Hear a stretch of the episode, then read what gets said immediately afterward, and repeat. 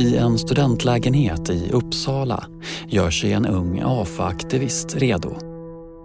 Och då vet jag att jag liksom rev sönder ett lakan tror jag och sprayade någonting. Tobias Hübinette sprayar dit ett budskap. Krossa fascismen. Och sen så... Jag hade en, antingen en palestinasjal eller en sån där huva då, med mig. Och även en kniv, ska jag säga. Varför hade du den kniven med dig? För säkerhets skull. Men det var ju... Ja, jag vet inte. Eh, jag visste ju att det fanns ett våldskapital bland de som besökte konserten. Så. Det är fredagen den 26 oktober 1993 och snart ska det nationalistiska vikingarockbandet Ultima Thule stå på scen i Fryshusets stora konsertlokal. Utanför köar skinnskallar och andra fans till det band som kommit att bli den svenska nationella rörelsens husband. Tidigare såldes Ultima Thules skivor på postorder genom Sverigedemokraternas medlemstidning. Men nu har Nyköpingsbandet blivit signade av entreprenören och skivbolagsägaren Bert Karlsson. Och sen tar jag mig till Stockholm med tåget, kanske en timme innan konserten. Jag går till, till Fryshuset. Han vill göra något åt konserten, helst stoppa den. Problemet är att han är helt ensam. Han har försökt få med sig sina aktivistkompisar, men ingen har velat följa med. För motståndarna, skinnskallarna, kommer vara så många fler den här kvällen. Men det struntade jag i. Och jag var lite känd också för att jag inte brydde mig om sådana här kollektiva beslut. Vilket också liksom kommenterades av en del antifascister att det är typiskt Tobias att göra sånt där. Han gör ju vad han vill ändå. Med banderollen, maskeringen och kniven är Tobias Hübinette framme vid Fryshuset. Och så gömmer jag mig. Eh, det är som en klippavsats väldigt nära stora ingången med ett buskage. Och där sitter jag eller bakom buskarna helt enkelt och väntar och ser publiken komma. Det är ju så som kommer från alla möjliga håll. Liksom. 600 personer kommer passera entrédörren på Fryshuset den här kvällen.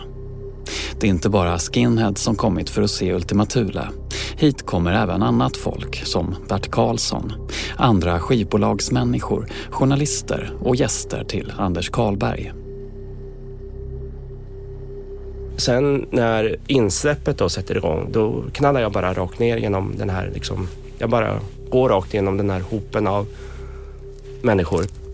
Och sen städar jag mig för stora ingången helt enkelt. Och banderaden gör att man blir större liksom. Eh, och jag minns att det blev tyst liksom, att alla bara tittar och då har jag täckt ansiktet. Och, så jag får stå där liksom, några sekunder. Det är en rätt absurd situation. Eh, och Fryshuset har egna vakter. Eh, men de gör liksom inte heller något. Men så, så är det, det är också massa poliser där redan från början. Och då stegar en eller två fram och bara tar mig liksom därifrån. Och slänger in mig i en polisbil och jag får också en käftsmäll av en av poliserna. Och de ser också att jag har en kniv på mig. Och det var ju inte möjligt att stoppa den konserten. Liksom. Det var några sekunder. Det korta tumultet vid entrén är snabbt över och Tobias Hübinette körs iväg i polisbilen.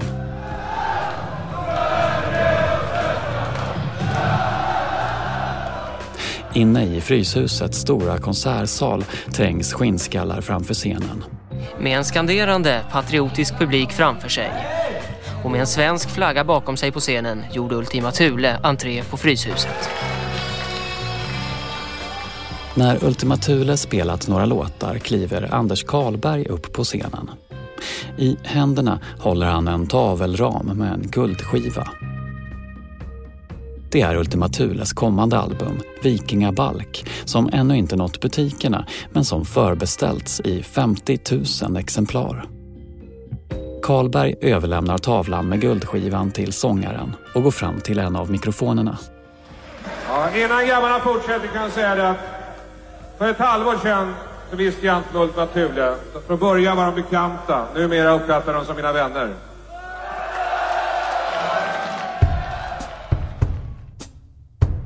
Third Ear Studio presenterar Skuggland skinnskallar och benhuven. Vi är inga nazister, vi är inga rasister, vi är svenska patrioter. En dokumentär i sex delar av Arvid Hallberg. Ultima Thule. Igår kväll fick de ta emot sin guldskiva på Fryshuset i Stockholm. Bandet som för tio år sedan startade sin karriär med stöd från den rasistiska organisationen Bevara Sverige svenskt.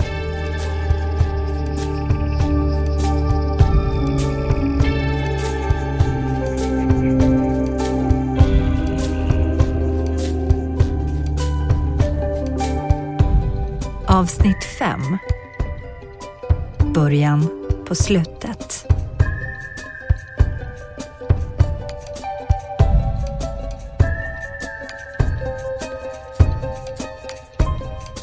Ja, hej. Det är Peter Englund. Ja, men tjenare. Fint att du ringer upp. Ja. Eh, hör du mig bra? Mm. Fryshusets Anders Karlberg hör i mitten av 90-talet av sig till den hyllade författaren Peter Englund.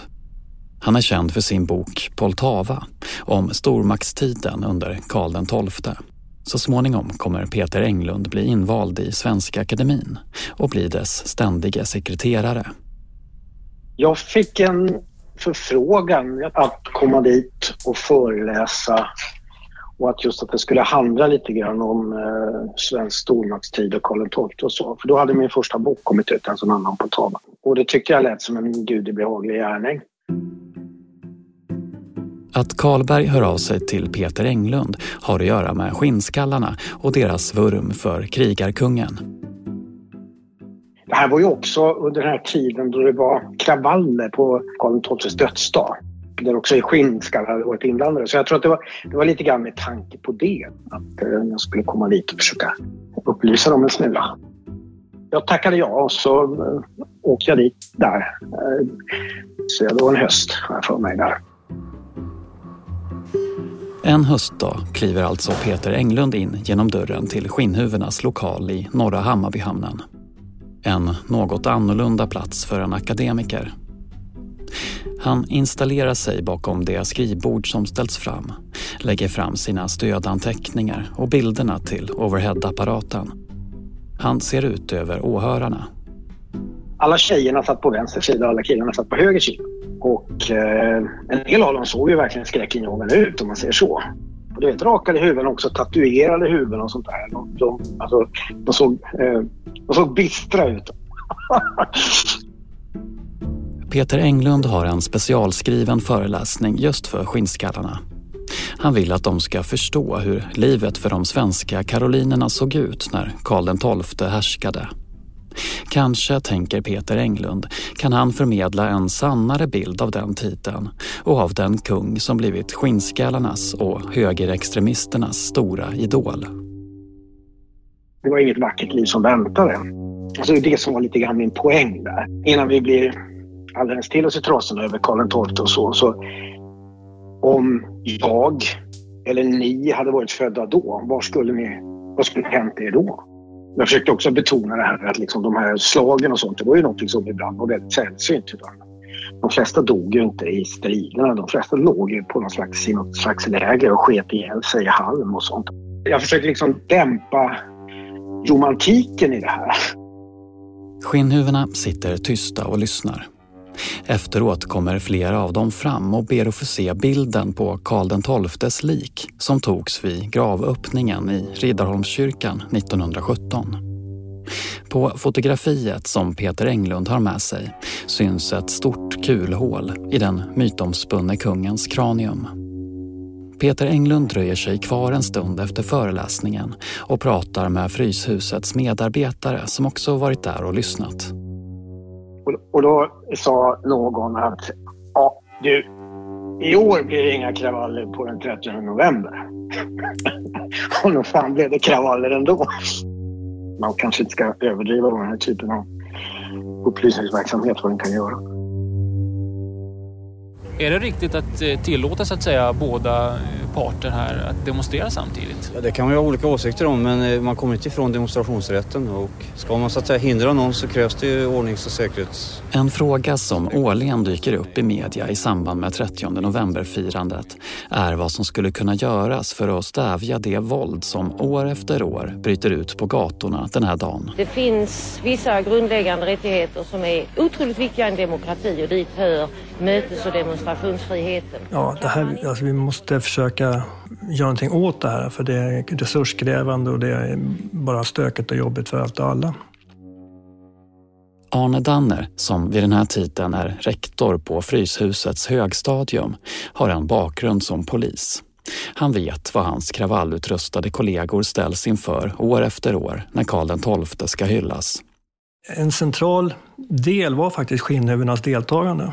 För att de var ju också identifierbara för alla. Arne Danner har en plan. Varje år fylls gatorna med skinnskallar och motdemonstranter på kvällen den 30 november. Han tänker att om skinnhuvudena genomför sin hyllningsmarsch mycket tidigare den dagen skulle det kunna minska risken för bråk med motdemonstranter. Arne Danner går ner till skinnhuvudlokalen och lägger fram sin plan. Och de hade en önskan, ja men får vi bara lägga ner en krans vid Karl XII-statyn den 30 så är vi nöjda. Liksom. Arne Danner pratar med polisledningen i Stockholm. Han förklarar att skinnskallarna på Fryshuset vill lägga ner sin krans strax efter midnatt den 30 november då inga motdemonstranter är ute. Polisledningen säger ja till förslaget. Okej, ni får lägga ner en krans två minuter över tolv den 30 och eh, eh, då får ni se till att alla skinnhuvuden är borta från stan på dagen den 30 november.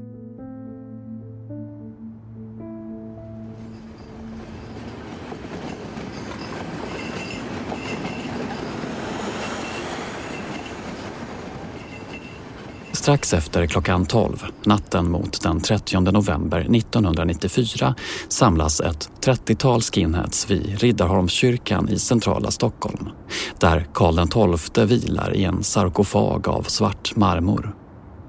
Facklor tänds och Arne Danner säger åt skinnhuvudena att slänga sina öppnade ölburkar. De ställer upp sig i ett led och börjar gå mot Kungsträdgården. Och det cirkulerar, cirkulerar någon civil polisbil och sånt där tror jag. Och sen började vi tåga där då med fanor och grejer. Jag, jag längst fram där. då. Och sen så blev det röd gubbe. Det fanns inte en bil. Men sen, jag var liksom halt så, så stod vi där och väntade. Och sen så gick vi fram till eh, Norrbro då. då. Och då var det halt då. Och sen var det två stycken skinnhuvuden som eh, hade fått då äran att eh, eh jag skulle få lägga ner kransen då, då. Och sen så kom de tillbaka och sen så upplöste vi det här. Sen dagen efter var det ingen skinnhuvud på stan. Hela dagen har södra delen av Kungsträdgården varit avspärrad. Där inne står Karl XII med en hyllningskrans vid sina fötter. Den la skinheadsen på Fryshuset ner strax efter klockan 12 i natt. 1994 års 30 november blir inte som tidigare år. 800 poliser utkommenderade och det är betydligt färre än förra året. För tydligen befarar man inte bråk. Och än så länge är det lugnt den här kyliga 13 november-kvällen. Arne Danner ser 1994 års lugna 30 november som en av de mest positiva sakerna som skinnskalleverksamheten förde med sig. Jag skulle vilja påstå att just bara den grejen dödade den situationen. För att efter det, så, som, ja, dagen efter, det var ju massor med folk som kom in, men skinnhuvudena var inte där och eh, det blev ingenting. Och ja, sen dog, dog det där ut. Det finns säkert flera andra orsaker också, va? men jag tror att det här var en väldigt viktig komponent i det, det som hände den natten.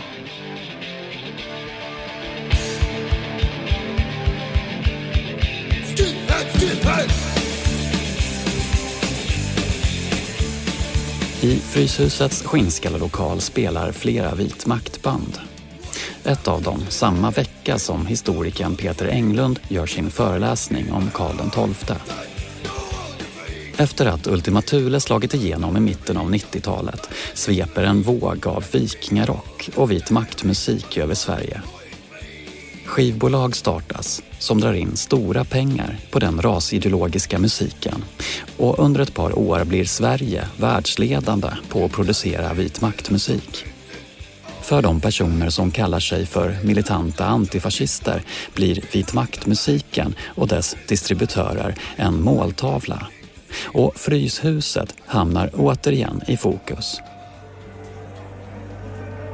Vattenfestivalen var ju stort de här åren och Fryshuset spelade en viktig roll där. Och under Vattenfestivalen så hjälpte Anders Karlberg till då att de här liksom vikingarockbolagen skulle få sitta och ha sina stånd mitt på liksom eh, Skeppsbron liksom i centrala Stockholm, liksom på en av de centrala platserna för ungdomskultur dit alla ungdomar kom för att hänga.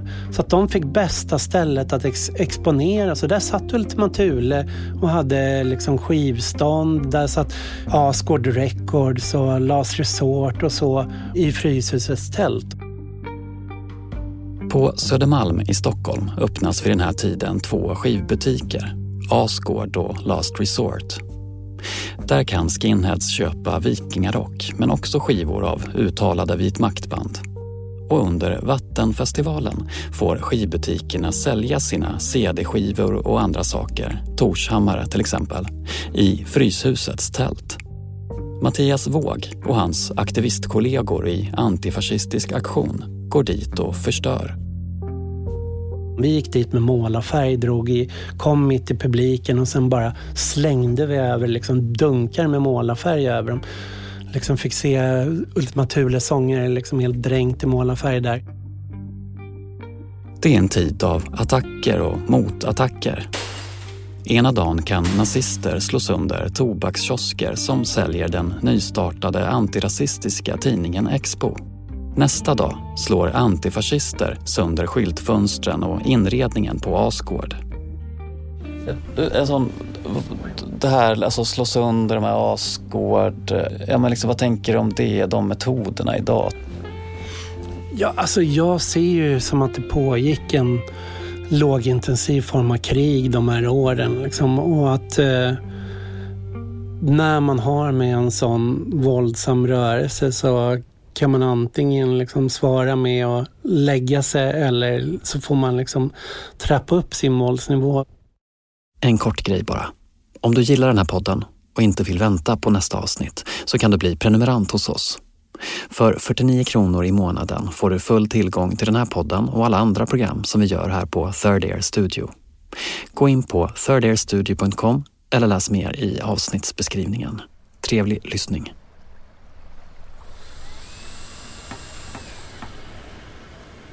Under 1993 när vikingarocken och vitmaktmusiken når sin topp i Sverige hittar en ny generation skinheads till skinnskallelokalen i Norra Hammarbyhamnen. En person, Patrik 19 Asplund, som under ett par år är en ledargestalt i vit maktmiljön liknar lokalen vid en skinheadfabrik där unga killar kommer in i vanliga frisyrer och kommer ut som nyrakade babyskins. Vad tänker du om det? liksom? Om det var så att det liksom, i och med att lokalen fanns, att det också blev fler. De här så kallade babyskinsen. Vad, vad var din bild av det? Jag skulle säga ja och nej. För att liksom, det var ju också liksom tidsandan överhuvudtaget då, va? med liksom Ultima Thule och annat sådär, liksom nationella... Liksom, eh, och skinnhuvudena var liksom då ja, de som någonstans stod för det. Alltså sådär jag tror liksom att det till viss del hade skett varje fall. Liksom sådär. Så att jag tror inte att det var eh, Fryshusets lokal som var, jag skulle inte vilja säga, kalla det fabrik som, som Patrik gör där. Då. Nej, det skulle jag inte vilja göra. Patrik 19 Asplund är en ledarfigur i Skinnskallelokalen och han är också sångare i Midgårds söner det är ett nationalistiskt, oj-influerat vikingarockband som ges ut på Ultima Thules egna skivbolag. Vi marscherar mot Kungshamn i täta led. Stenar och flaskor bara haglar ner. Midgårds söner gör låtar om Karl XII, om att hylla sitt land och om vikingarnas plundringsräder. Och de uppträder då och då på samma ställen som renodlade vitmaktband. Sångaren Patrik Asplund får under 1994 en kurs i tidningsproduktion bekostad av Fryshuset. Tanken är att Skinnskallarna ska ge ut en opolitisk skinhead-tidning. Men någon sån tidning blir det inte. Istället använder Patrik Asplund det han lärt sig på kursen i Fryshuset till att ge ut ett magasin. Det får namnet Nordland och blir Sveriges mest påkostade vit makt-tidning. Tryckt i fyrfärg med en upplaga på 15 000 exemplar. Patrik Asplund blir chefredaktör. Nordland kallar sig en rasmedveten musiktidning. Innehållet består till stor del av intervjuer med olika vit maktband och skivrecensioner. Från Nordland kan läsaren beställa böcker med titlar som Introduktion till rasbiologi. Här finns också armbindlar med hakkors till exempel. Tidningen Nordland fungerar också som skivbolag och är just en av de aktörer som gör Sverige till centrum för vitmaktmusik. Patrik Asplund har tackat nej till att medverka i den här serien. Han lämnade den nynazistiska rörelsen redan 1996 och har kallat den tiden för sitt livs största misstag. Av kritikerna till Skinnskallelokalen brukar Patrik Asplunds historia framhållas som ett exempel på hur Fryshuset bidrog till framväxten av den rasideologiska rörelsen i Sverige. Samtidigt är det just Anders Karlberg som Patrik Asplund vänder sig till när han en dag bestämmer sig för att lämna nazismen bakom sig. Asplund får då Karlbergs stöd. Vikingaprojektet är redan i full gång. Man har fått 270 000 kronor och för den summan ska man bygga ett vikingaskepp. Och den här veckan får man ännu ett skepp, en unik kopia av en gammal järnåldersbåt. Att lära sig drömtydning och nordisk mytologi ingår också i Vikingaprojektet. Fryshusets chef Anders Karlberg tror att det är nyttigt för skinheads. Under de sex år som Skinnskalleprojektet varit igång har det inte varit helt enkelt för Anders Karlberg och hans medarbetare att få till några regelbundna aktiviteter med skinnskallarna. Men 1994 dras ett stort projekt igång som verkar engagera. Under året har ett 20-tal av Fryshusskinsen åkt på studiebesök till båtvarv som byggt kopior av gamla vikingaskepp som Sigrid Storråda. Och skinnskallarna har seglat och rott med skeppet Helgaholm ute på Östersjön. Anders Karlberg intervjuas om Vikingaprojektet i Sveriges Radios program Studio 1. Reporter är Katarina Gunnarsson. Men tror du, Anders Karlberg, att det här intresset för fornnordisk tradition, gudakväden, intresset för, för gamla vikingabåtar, ja, hela den här vikingasvängen som är så himla mm. populär nu med Torshammar och alltihopa. Tror du verkligen att det är, en, att det, är det man ska få in de här unga killarna i? inte det bara farligt? Att de blir ännu mer nationalistiska? Så fort man kommer in på den här typen av frågeställningar så kommer vi in till djupare frågor i den egna själen. Och själen är alltid öppen och tolerant och intresserad och nyfiken. Och där har den fornnordiska mytologin massa spännande berättelser och eh, sagor och arketypiska föreställningar som Jung skulle säga. Alltså att är man intresserad av den fornnordiska mytologin då har man enorm möjlighet att utvecklas som människa. Kanske är det genom skinnskallarnas intresse för vikingatiden som Anders Karlberg ser en öppning in till den närmast andliga värld han själv ofta talar om. Under 1994 deltar ett femtontal skinnskallar i drömtydning enligt jungiansk modell som Karlberg ägnat sig åt tidigare. Om det berättar Anders Karlberg i SVTs program Skytte från november 1994. Vi hade en eh, drömseans med några skinnskallar, det var jävligt spännande. De tyckte det var skitkul. De drömmer om grejer om fornnordisk mytologi och sånt där. Det är ganska spännande. Alltså, de här finns hos alla människor. Det är vår uppgift som visar män att introducera folk också i myternas värld. det finns i musiken, det finns i konsten, det finns i filmen. stort sett varenda eh, film är ju en mytisk värld. Hela konsten bygger ju på myternas föreställningar av olika slag. Men eh, vi har inte den kunskapen. Vi lär inte ut de här sakerna. Vi lär inte ut någon livsvisdom i skolan utan vi lär ut ett antal fakta. Eh, ett antal tekniska kunskaper. Men vi lär inte ut livsvisdom i vårt samhälle. Och det var det viktigaste som man gjorde i de gamla kulturerna. Det är livsvisdom du behöver. Efter sex år med Skinnskalleprojektet har Anders Karlberg ständigt nya idéer. Han vill starta ett vikingagymnasium i komvux regi där skinnskallar ska lära känna sina rötter genom att sy vikingakläder, studera fornnordisk mytologi och lära sig att navigera till havs för att så småningom kunna starta bolag och ta med turister ut på vikingarod. Kanske hade Anders Karlbergs idé om en vikingaskola blivit till verklighet och Skinnskalleprojektet kunnat levt vidare om det inte vore för det som sker i början av 1995. Han ser inte direkt ut som en skinhead. Han har ju sitt tjocka hår. Ja, just det. Men han hade... Han lät ju det växa efter en mars 94. Så lät han ju det växa ut. Så han såg ut sådär på nyår. Det, var, det här är skolfotot då. Och sen hade han en guld, lite, liten tunn guldring i örat. Hösten 1993 går en kille som heter Anders Gustafsson till Skinnskallelokalen. Han är musikalisk, speciellt duktig på trombon. Men nu när barndom blivit ungdom är det elgitarr som gäller. Sen så lärde han sig spela elgitarr genom att lyssna på Yngwie Malmsteen och eh, Metallica och ja, du vet, AC/DC och Kiss och så. Han var jätteduktig musikalisk, Anders. Så det var det som lockade honom. Anders går till Skinnhuvudlokalen för musikens skull. Lilian skjutsar dit honom. Och den här första kvällen, det var en konsert, en hårdrockskonsert eh, i Skinnskallelokalen. Sen var han ju där på hösten 93 några gånger. Jag skjutsade honom och hämtade honom utanför där. Och Anders morsa, hon kommer alltid. Det var ju allmänna omdömen. Jag var ju liksom en, en i gänget på något sätt. Det var inget konstigt att jag var med jämt. Den 15-årige Anders verkar trivas i lokalen. Men känner samtidigt att det är en miljö där han måste vara lite på sin vakt. För han, jag tror också att han förstod att, att det här var inget ställe som, som man gjorde som man ville. Om man var ung så var det de äldre som bestämde.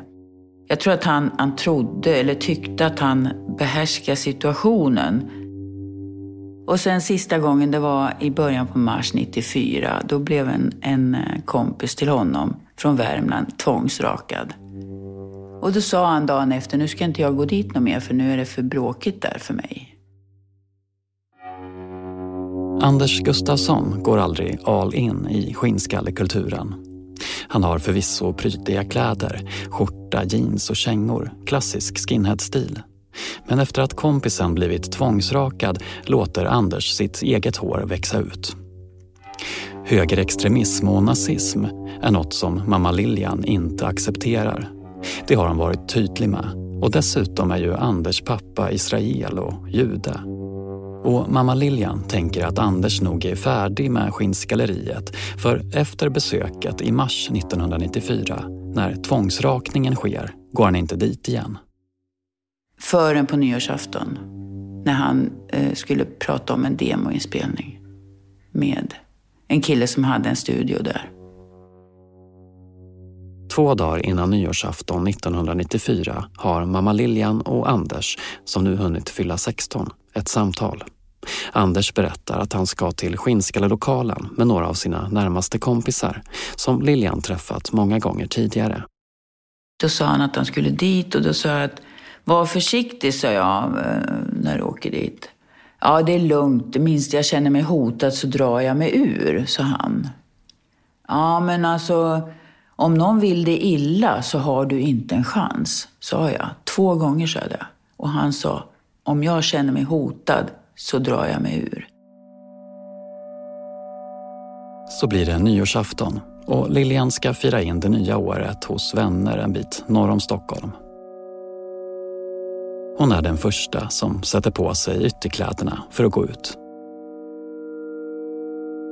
Så att vi kramade om varandra ute i hallen och eh, då hade han sina fina nya eh, kläder som jag hade köpt i julklapp. Skottskrutig skjorta Och eh, nya mörkblå jeans på sig. Jättefin var han.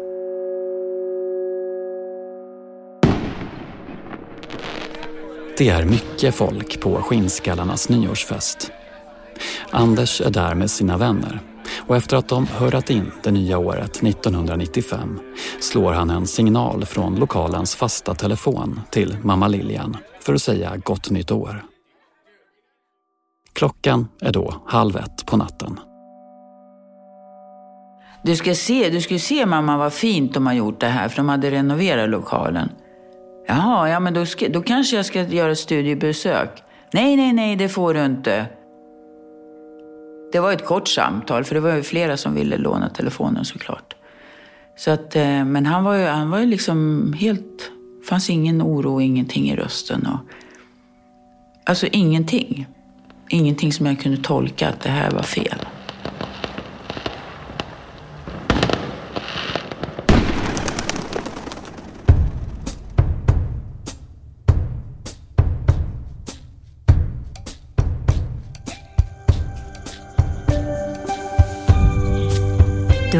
Del fem av sex i Skugglands dokumentärserie Skinnskallar och benhuvuden av Arvid Hallberg.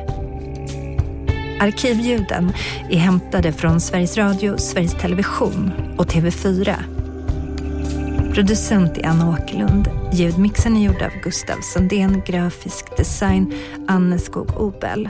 Signaturen är skriven av Jonathan Johansson och i Skugglans redaktion ingår även Mårten Truffast, Sara Lundin, Love Lissarides, Joel Silberstein Hunt och David Mer.